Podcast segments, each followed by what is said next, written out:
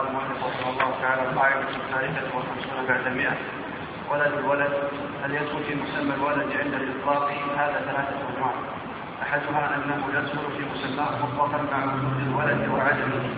وذلك في المحرمات النكاح امتناع القصاص بين الوالد وولده ورد شهادته له ووجوب عقابه وجر الولاء والوقت والوصية على قوم ودفع الزكاة. النوع الثاني ما يدخل فيه عند عدم الولد لا مع وجوده وذلك في صور الميراث وولاية النكاح والصلاة على الجنازة والحوادث.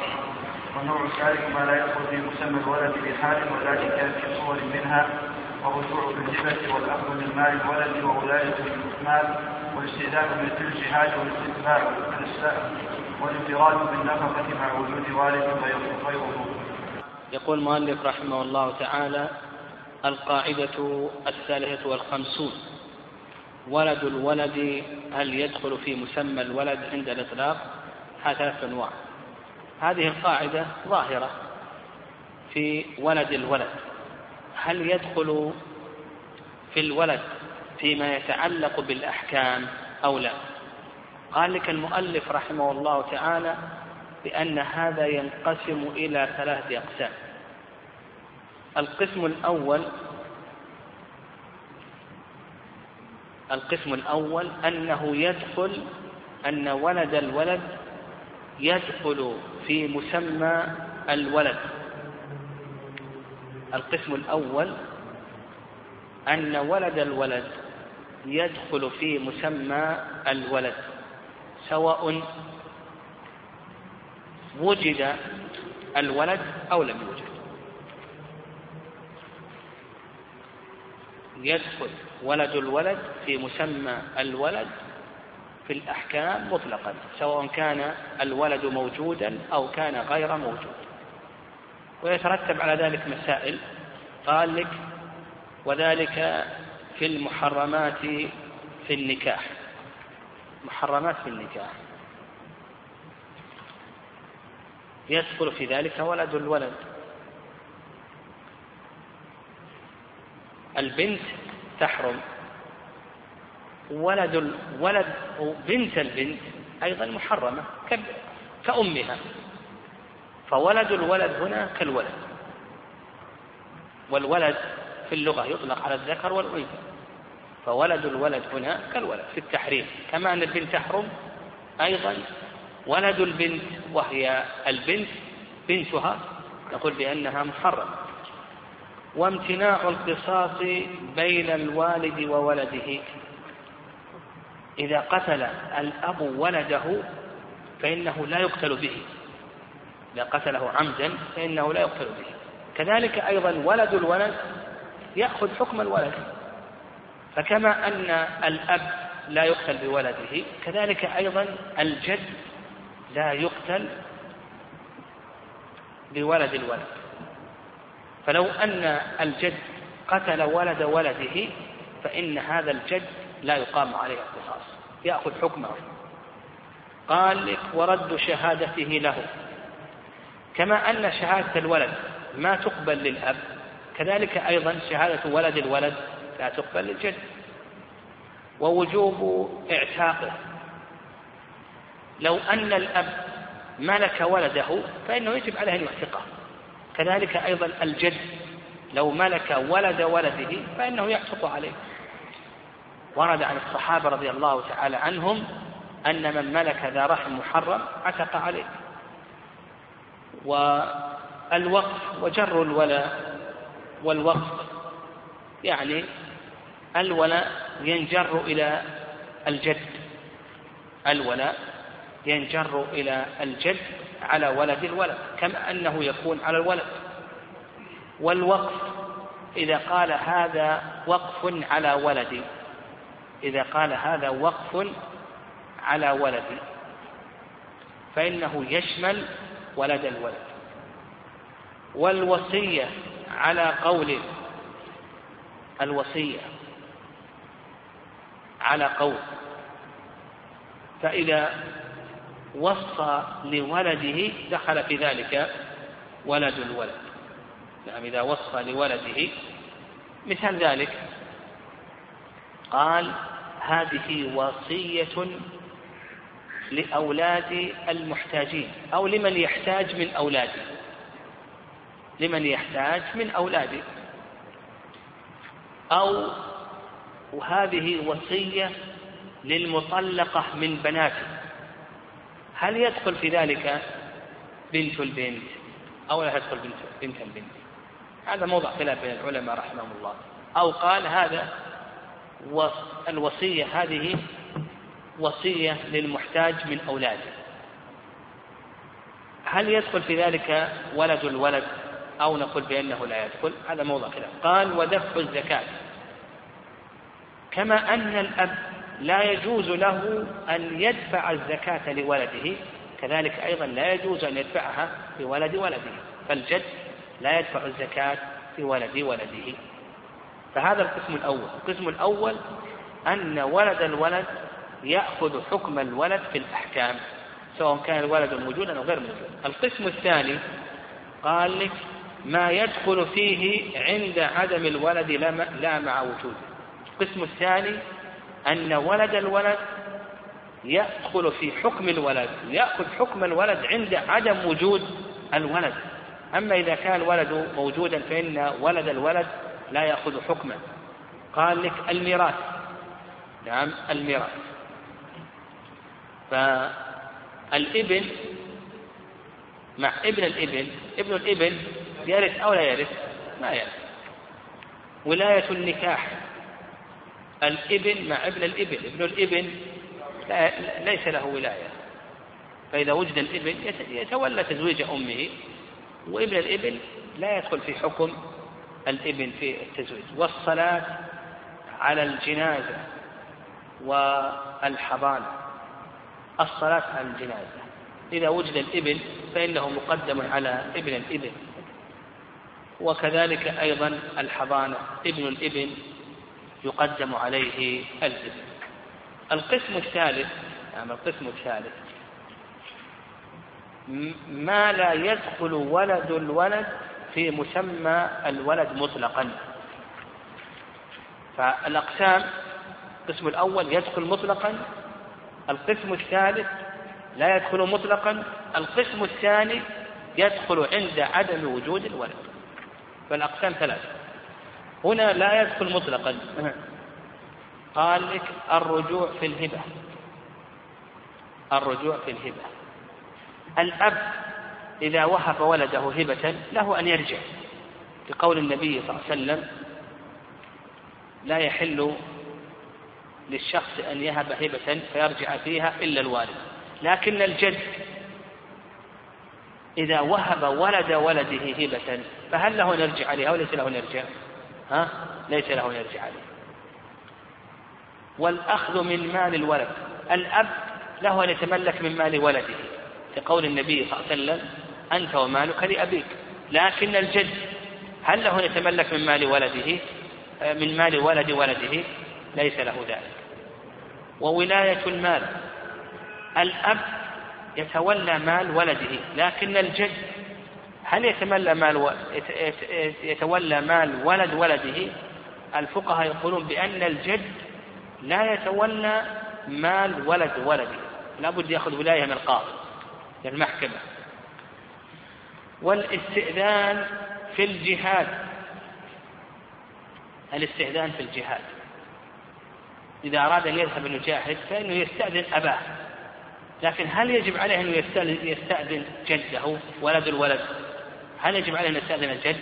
ما يجب عليه والاستتباع في الإسلام الولد يتبع خير أبويه دينه. لكن هل يتبع الجد في الدين أو لا يتبعه في الدين؟ ما يتبعه في الدين. والانفراد بالنفقة مع وجود والد. الأب ينفرد بنفقة ولده. لكن الجد ما ينفرد. الجد ما ينفرد. ما يجب عليه أن ينفرد. فمثلا لو كان هناك يعني الأب إذا كان له ولد له ابن يجب عليه أن ينفق عليه. حتى لو كان هذا الابن له ابن يجب على الأب أن ينفق على ابنه طيب نفرض الجد موجود.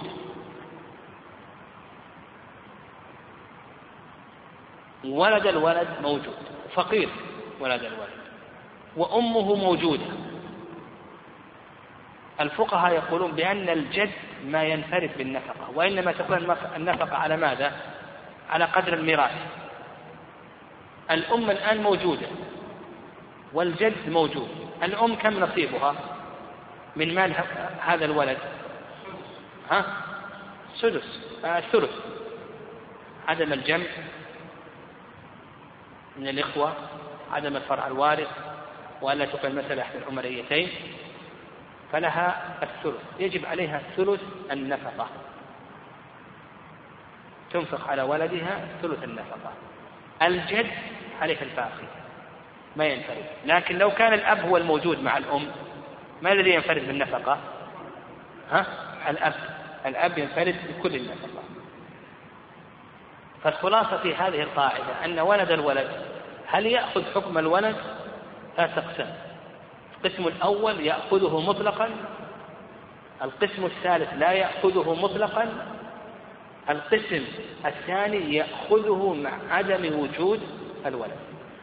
قال المؤلف رحمه الله تعالى القاعدة الرابعة والخمسون بعد المئة. خروج البضع من الزوج هل هو متقوم أم لا؟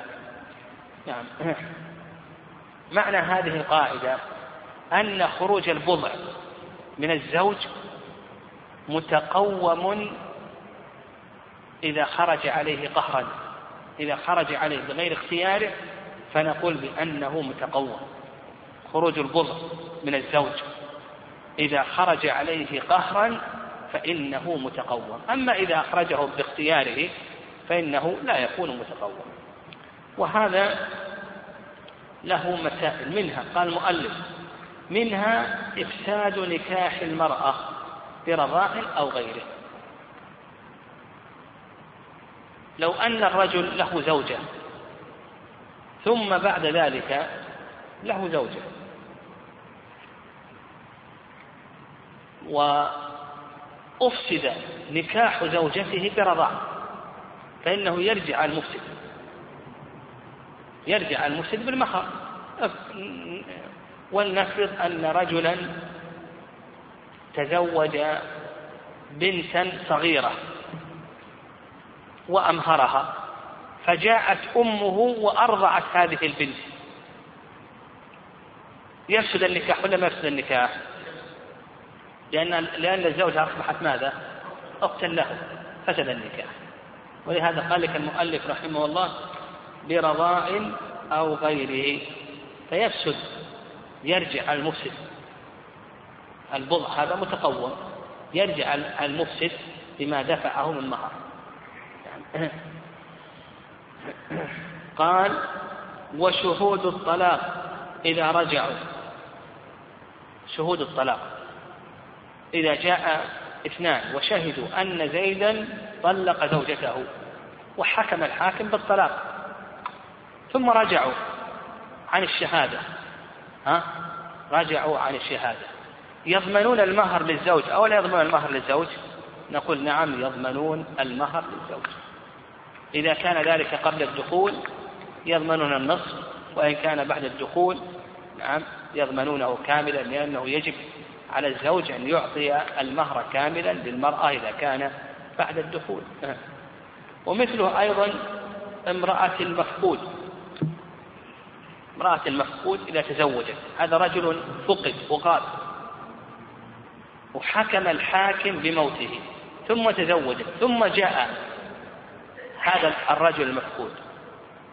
نقول أنت مخير بين أن تأخذ زوجتك وبين أن تأخذ المهر فهنا تبين أن البضع والمقصود به الزوجة نعم أنها متقومة. فإذا أفسدت إذا على الزوج قهرا عليه فإنه يرجع لما دفعه لهذه المرأة من المخاطر. قال المؤلف رحمه الله القاعدة الخامسة والخمسون يتقرر المهر كله للمرأة بأحد ثلاث أشياء وش معنى يتقرر؟ ها؟ كيف؟ هو تستحق. عندنا ملك وعندنا استقرار الملك. الملك ملك المهر يجب بالعقد يجب بالعقد. لكن متى يستقر؟ بمعنى أنه ما يكون عرضة للسقوط. يستقر بأي شيء؟ هذه الأشياء التي ذكرها المؤلف. وش معنى يتقرر؟ يعني أنه يستقر بحيث أنه ما يكون عرضة للسقوط وإلا المهر عرضة للسقوط. يعني سقوط نصفه عرضة وقد يسقط كله كما سيأتينا. لكن إذا حصلت هذه الأشياء فإنه يثبت كله. بمعنى أنه لا يكون عرضة للسقوط. ما هي الأشياء يتقرر بها المهر؟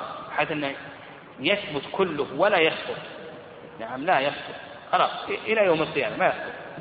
قال لك الأول الوصف. فيتقرر به المهر على كل حال. الوصف إذا وصف. الزوجة نقول خلاص ثبت كل المهر للمرأة. كما قال سنة عائشة فلها المهر بما استحل من فرجها. وأما مقدماته كاللمس لشهوة والنظر إلى فرجها أو جسدها وهي عارية فمن الأصحاب من ألحقه بالوصف نقول كالوصف حتى المقدمات لو أنه عقد على هذه المرأة ثم نظر إليها بشهوة أو مسها بشهوة أو نحو ذلك قال الإمام أحمد رحمه الله إذا استحل منها ما لا يحل لغيره تقرر معه إذا استحل منها ما لا يحل لغيره تقرر المهر. فنقول هنا يستقر المهر كاملا المقدمات. طيب الثالث الخلوة ممن يمكن الوقت إذا خلى بها. كما ورد عن عمر وعلي رضي الله تعالى عنهما أنه إذا أجيفت الأبواب وأرخيت الستور وجبت العدة والمهر. فنقول إذا خلى بها والخلوة المعتبرة يقول العلماء هي الانفراد عن مميز. إذا انفرد بها عن مميز وخلى بها تقرر المهر كله للمرأة. قال نعم فإن كان ثم مانع إما حسي كالجب والرتق أو شرعي كالإحرام فهو يقرر المهر على طرق الأصحاب. يعني حتى حتى المشهور من المذهب حتى وإن كان هناك مانع. حتى يعني إذا خلا بهذه المرأة حتى ولو كان هناك مانع من الوضع. كما لو كانت المرأة حائضا إلى آخره أو كانت صائمة أو أو المحرمة أو كان مجبوبا. أو كانت رتقة إلى آخره. الجب قطع الذكر أو كانت رتقة يعني رتق انسياد الفرج إلى آخره. المهم عندنا الثاني ما يتقرر به المهر ما هو؟ ها؟ الخلوة. عن مميز الثالث أو الرابع هذا. قلنا الوطء ومقدمات الوطء والخلوة والرابع الموت. نعم الموت. قال الموت قبل الدخول أو قبل الفرقة وإن طلقها في مرض ثم مات فيه فهل يستقر لها المهر؟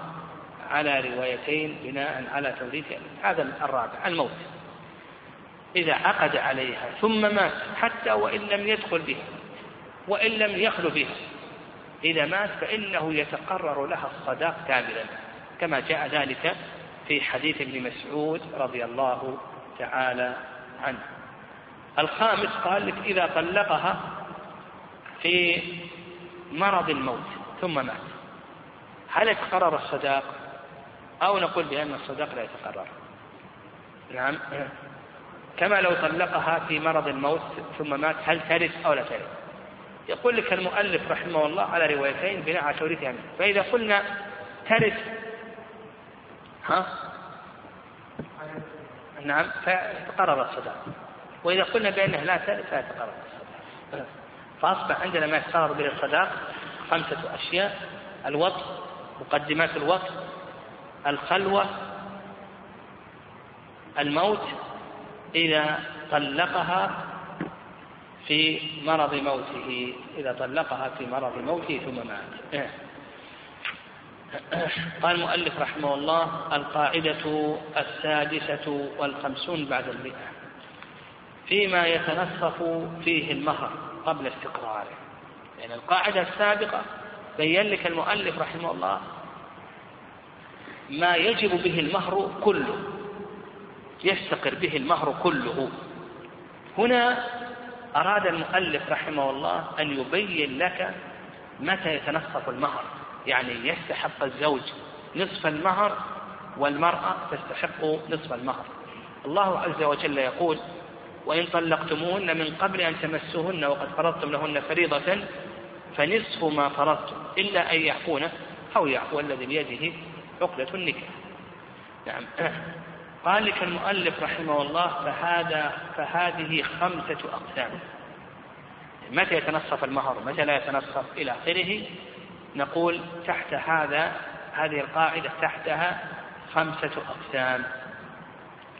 قال لك نقول القسم الأول نعم كل فرقة جاءت من قبل الزوج قبل الدخول يتنصف بها المهر أو نقول أحسن كل فرقة كل فرقة جاءت من قبل الزوج قبل ما يقرر الصداق.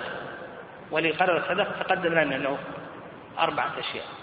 كل فرقة جاءت من قبل الزوج قبل أن يحصل ما يقرر الصداق من دخول أو خلوة أو استمتاع كما تقدم لنا. ها؟ فالزوجة لها ماذا؟ النصف. وش مثاله؟ قال لك كطلاقه لو طلقها قبل أن يدخل بها قبل أن يخرج قبل ما يقرر الصداق من دخول وقاله نحو ذلك. وخلعه خلعها. هذه الفرقة جاءت من قبل الزوج.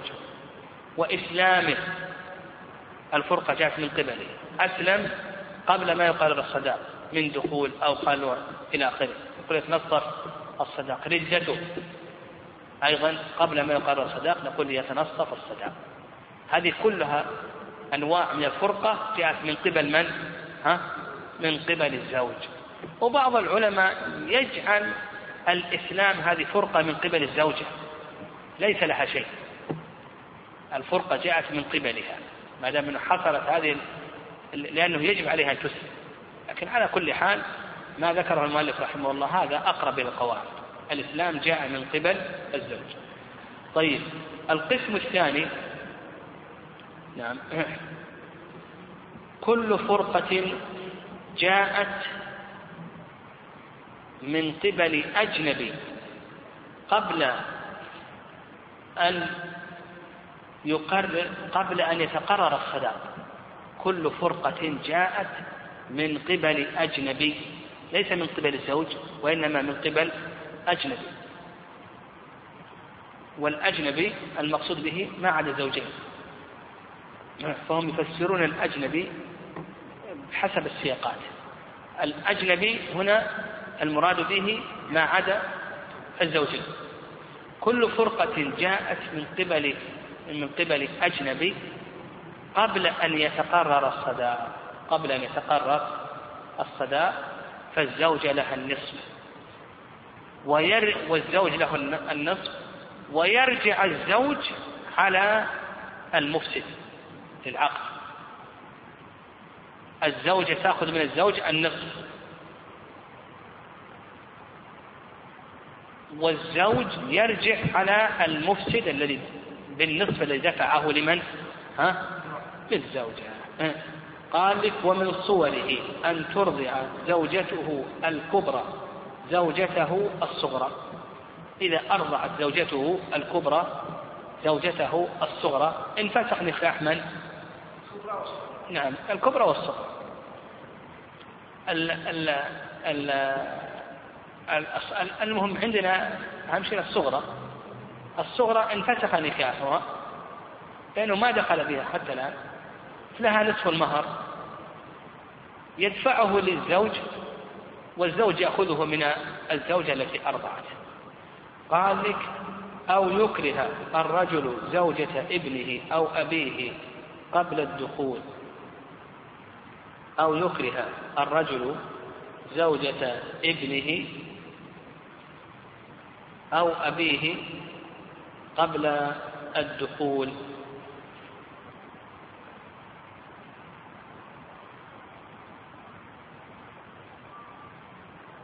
نعم. إذا أكره الرجل زوجة ابنه أو أبيه. ها؟ كيف؟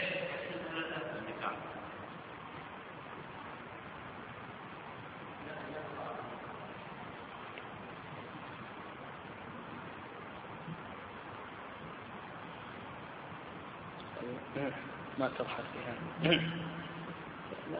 لعل نرجع لها إن شاء الله. ها؟ يكره الرجل زوجة ابنه أو أبيه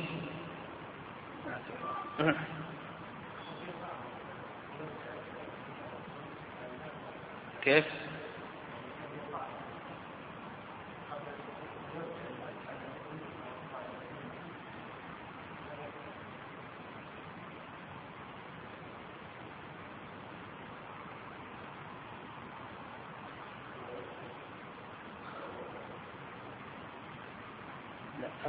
قبل الدخول. كيف؟ أن يكره زوجة ابنه أو أبيه. أي نعم سطح أن يكره الرجل زوجة ابنه أو أبيه على الوصف قبل الدخول. يعني أن يطأ زوجة ابنه قبل أن يدخل بها الابن فإذا وطئ زوجة ابنه قبل أن يدخل بها الابن أصبحت هذه الزوجة بالنسبة للابن ها بمنزلة حلائل الآباء. واضح؟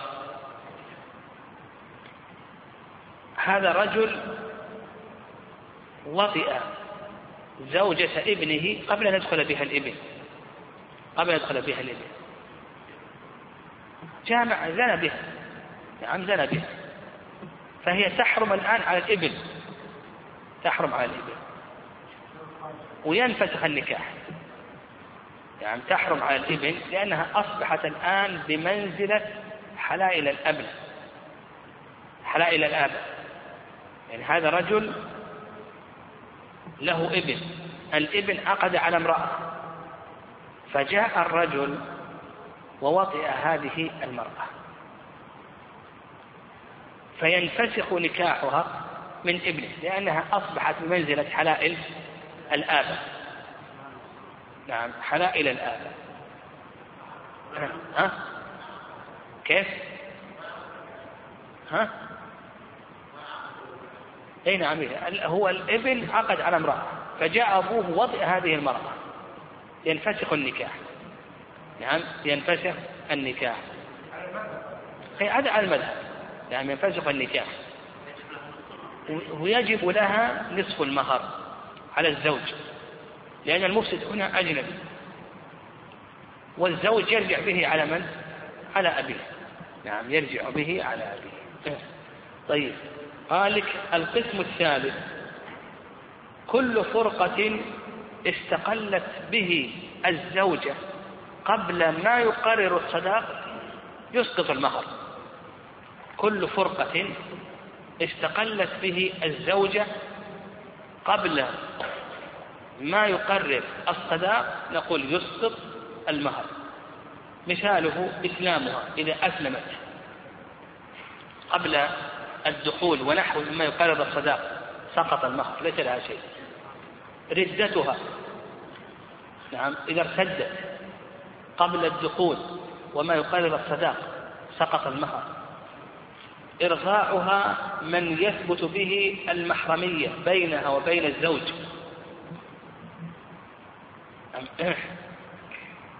إرضاعها من يثبت به المحرمية بينها وبين الزوج. كما تقدم لو أنها أرضعت زوجته الصغرى أصبحت أم زوجة. نعم. فما دام أن الفرقة جاءت من قبل الزوجة يسقط المهر. وفسخها لعيب الزوج أو إعساره وجد في الزوج زوج عيبا ثم فسخت قبل الدخول ونحو ما قرر الصداقة. نقول ليس لها, ليس لها شيء من المهر. هذا المذهب والصحيح. لها النصف لأن لأن الفرقة هنا جاءت من قبل الزوج لأن الزوج هو المعيب. نعم الزوج هو المعيب. أو إعساره نعم. الصحيح أنه ليس لها لها النصف هنا لأن الفرقة جاءت من قبل الزوج لأنه هو المعتق. وفسخ المعتقة وفسخ المعتقة تحت عبد قبل الدخول. إذا أعتقت كما تقدم لنا أعتقت الأمة وكان زوجها عبدا فلها الخيار. فإذا اختارت أن تفسخ كان ذلك قبل الدخول ها؟ كيف؟ ما ما مهر سقط المهر. نعم ما دام قبل الدخول سقط المهر. نعم فعندنا القسم الثالث كل فرقة جاءت من قبل الزوجة. قبل ما يقرر المهر, المهر هذا يسقط المهر. طيب القسم الرابع وما اشترك فيه الزوجان اللعان وتخالعهما هذه هذا القسم الرابع. كل فرقة جاءت من قبل الزوجين فهذه يتنصب فيها المهر. كل فرقة جاءت من قبل الزوجين نقول بأن المهر يتنصف فيها. مثل اللعان. اللعان إذا حصل تلاعن بين الزوجين ثبت الفرقة الأبدية وإذا كان ذلك قبل الدخول فالمرأة لها نصف المهر. وتخالعهما جاء الخلع من قبل كل منهما. فإذا كان قبل الدخول للزوجة نصف المهر. قال وما كان هذا القسم الخامس والأخير وما كان من جهة الزوجة مع أجنبي شراؤها للزوج. هذا القسم الأخير يتنصف فيه المهر. الفرقة جاءت من قبل الزوجة وأجنبي. نعم الفرقة جاءت من قبل الزوجة وأجنبي. فهنا يتنصف المهر. قال لك شراؤها للزوج. لو كان زوجها رقيقا ثم بعد ذلك اشترت هذا الرقيق. نعم. اشترت هذا الرقيق من رجل من المالك البائع. ينفسخ نكاحها. أصبحت تملك زوجها ينفسخ النكاح. العلماء رحمهم الله يقولون إذا ملك أحد الزوجين صاحبه انفسخ النكاح انفسخ النكاح. فإذا قامت واشترت زوجها هنا جاءت الفرقة من قبل الزوجة ومن قبل أجنبي وهو البائع فينفسخ النكاح. طيب القاعدة السابعة والخمسون. ها؟ أيوة.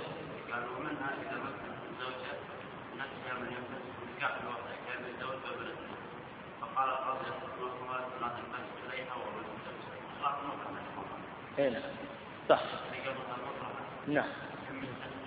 نعم. صح. طيب القاعدة السابعة والخمسون بعد المئة.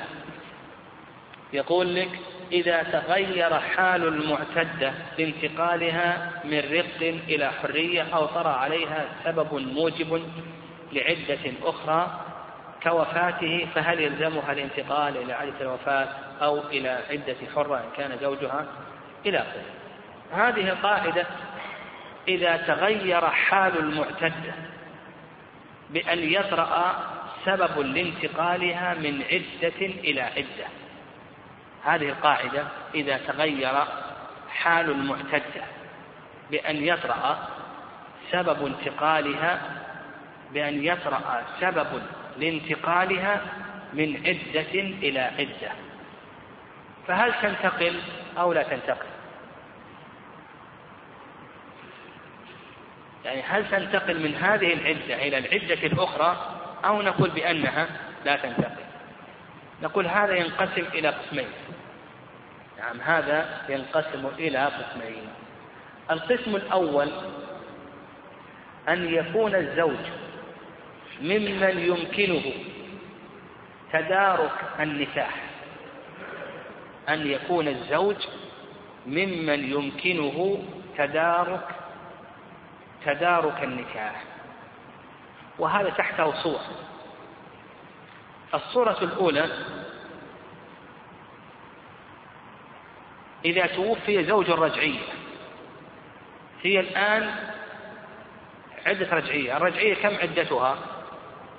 ثلاث حيض أو ثلاث أشهر. توفي زوجها. هل تنتقل إلى عدة الوفاة أو لا تنتقل؟ ها؟ نقول تنتقل عدة الوفاة. لماذا؟ لأن الزوج يمكنه أن يتدارك النكاح بين يراجع المرأة. نقول القسم الأول إذا كان الزوج يمكنه تدارك النكاح فتنتقل فتنتقل. مثاله كما قلنا ومن صوره تحته صور. زوج الرجعية إذا توفي فإنها تنتقل من عدة الطلاق إلى عدة الوفاة. عدة الطلاق مثلا ثلاث حيض. مر عليها حيضتان. توفي الآن. نقول انتقلي إلى عدة ماذا؟ الوفاة. تبدأ أربعة أشهر وعشرة من حين ما توفي. هذه الصورة الأولى. الصورة الثانية. نعم الصورة الثانية. كافر تحته إماء. فأسلمنا. ثم اعتقنا قبل انقضاء عدتهن. فهل ينتقلن إلى عدة الحرائر أو لا؟ نقول ينتقلن إلى عدة الحرائر. كافر تحته إماء ثم ذلك أسلمت هذه الإماء كم عدة الأمة؟ حيضتان. حيضتان أو شهران. يعني حيضتان عدة الأمة حيضتان أو شهران. ثم بعد ذلك أسلمت فهل تنتقل إلى عدة الحرائر أو لا تنتقل؟ نقول نعم تنتقل. لأن نعم. لأن الزوج يمكنه أن يتدارك بالإسلام. يمكنه أن يتدارك بالإسلام صح. طيب أيضا الصورة الثالثة. الصورة الثالثة.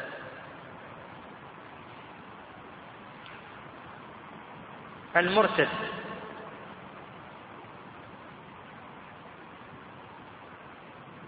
المرتد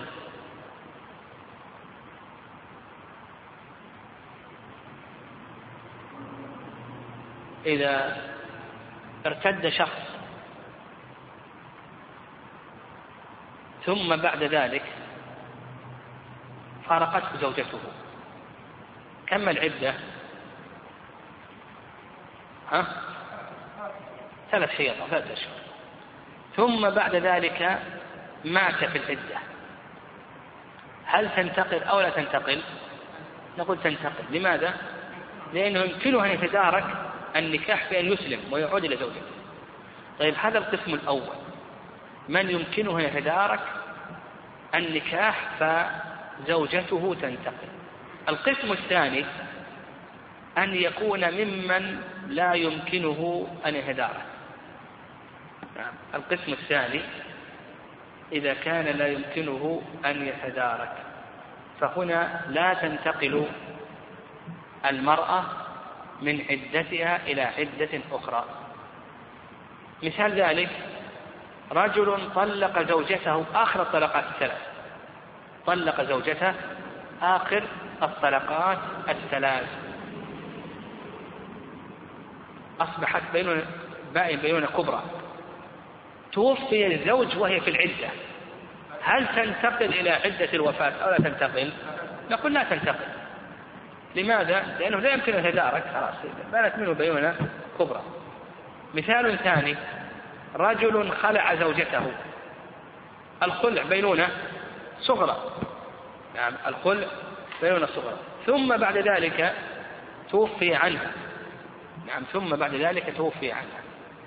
هل تنتقل أو لا تنتقل؟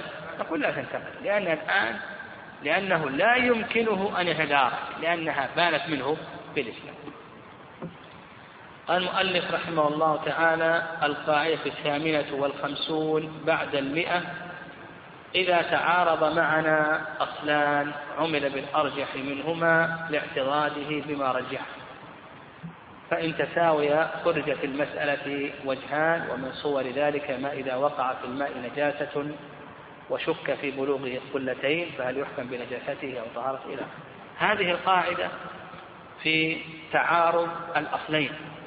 إذا تعارض أصلان. وتحت هذه القاعدة صورتان. تحت هذه القاعدة صورتان.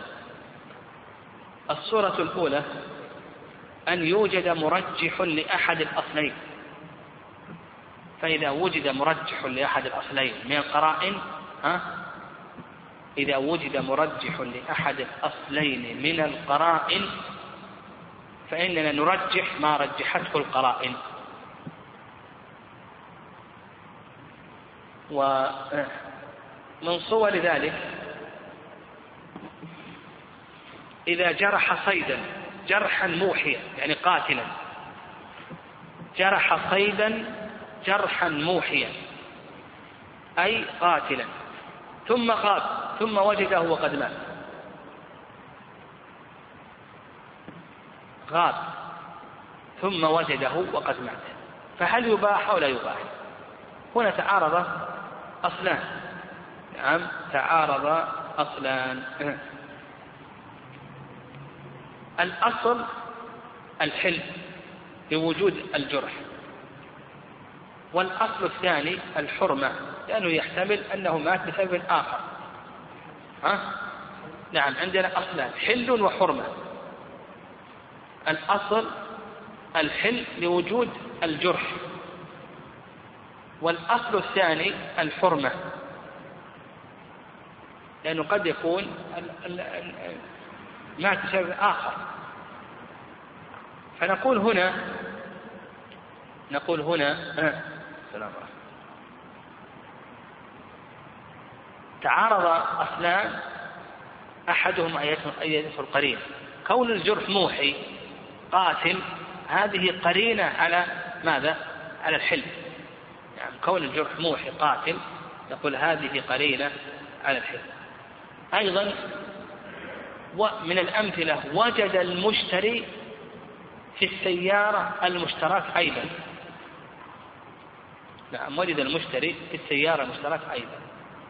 يحتمل أن يكون عند البائع ويحتمل أن يكون عند المشتري. نعم يحتمل أن يكون عند البائع ويحتمل أن يكون العيب حصل عند المشتري. فعندنا أصل وهو السلامة.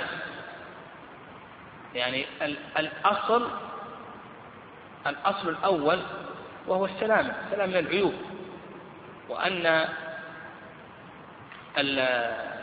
المشتري ماذا؟ أن البائع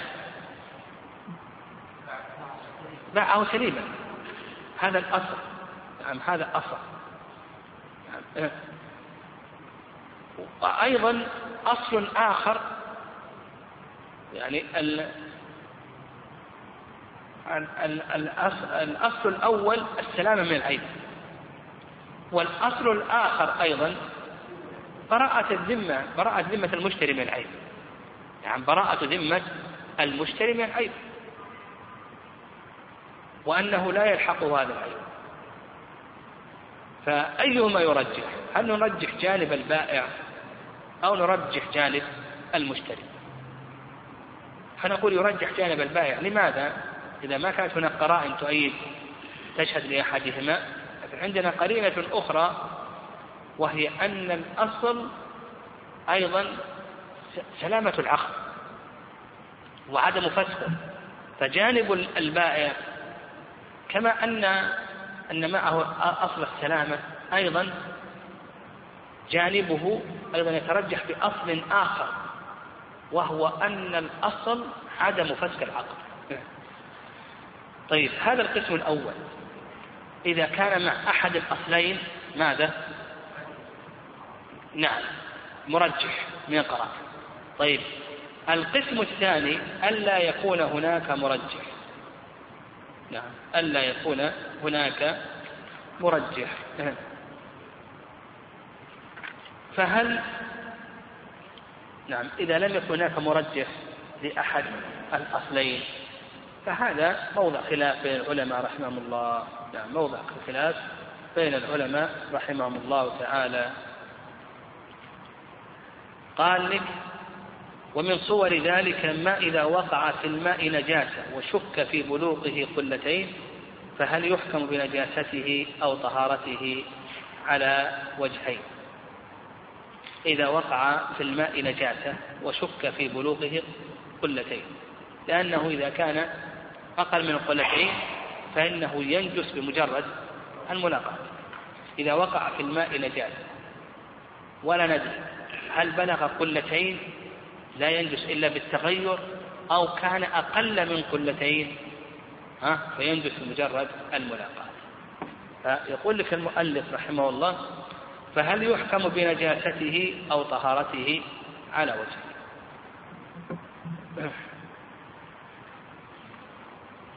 فالوجه الأول أنه يحكم بطهارته لأن لأن هذا هو اليقين. والوجه الثاني أنه يحكم بنجاسته لأن الأصل ما بلغ قلته فالوجه الثاني أنه يحكم بنجاسته لأن الأصل ما بلغ قلتين والوجه الأول أنه يحكم بطهارته لأن الأصل الطهارة. وهذا هو الذي يبقى قال ومنها إذا وقع في الماء اليسير روثة وشك في نجاستها أو وقع الذباب. إذا وقع في الماء اليسير روثة ولا ندري هل هي روثة حمار أو روثة مأكول اللحم. يعني كما تقدم تعارض أصلان. يعني تقدم تعارض أصلان. فالوجه الأول أنه طاهر لأن الأصل في الماء الطهارة. والوجه الثاني أنه نجس لأن الأصل في الأوراد النجاسة. فهنا تعارض أصلان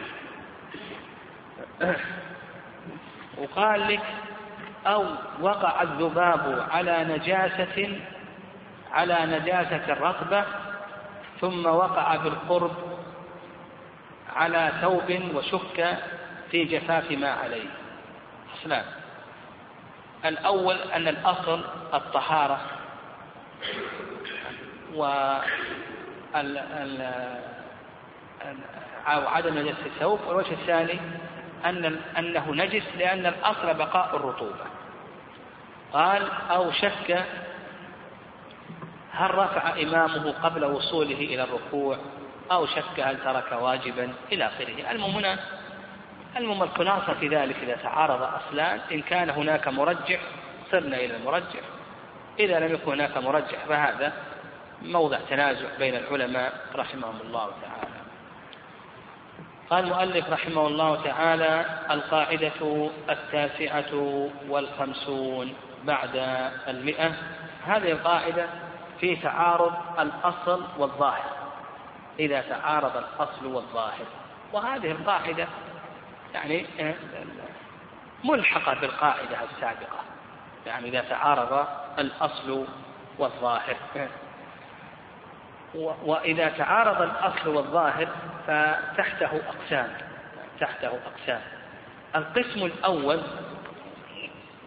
القسم الأول أن يكون الظاهر حجة شرعية. فإذا كان الظاهر حجة شرعية فنقول يقدم الظاهر على الأصل. يقدم الظاهر على الأصل. قال لك المؤلف رحمه الله فإن كان الظاهر حجة يجب قبولها شرعا كالشهادة والرواية والأخبار فهو مقدم على الأصل بغير خلاف. مثال ذلك شهد رجل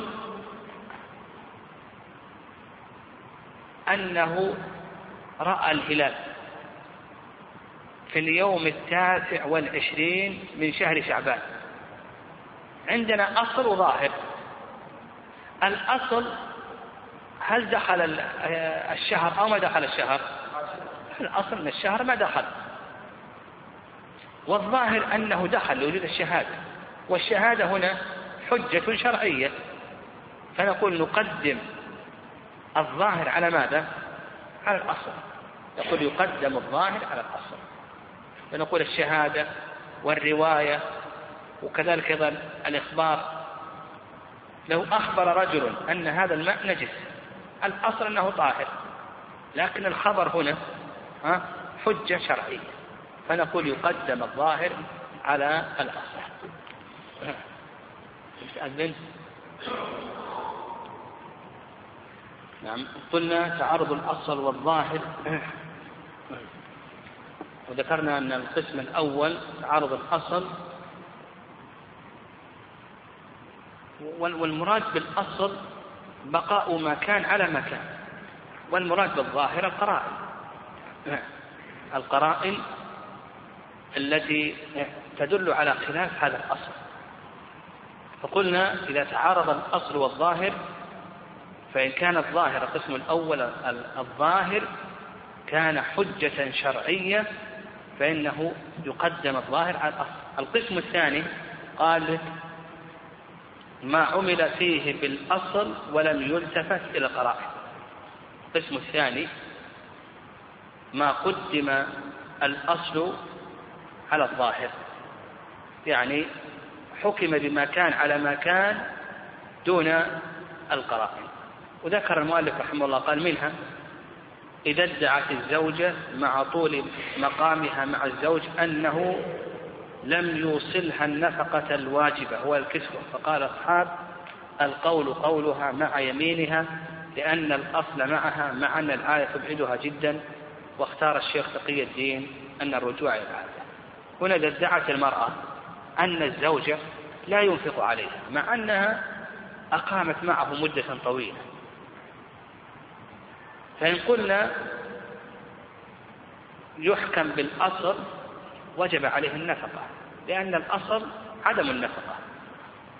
وإن قلنا يرجع القرائن فكونها مقيمة عنده هذه الفترة هذه قرينة على أنه ينفق عليها.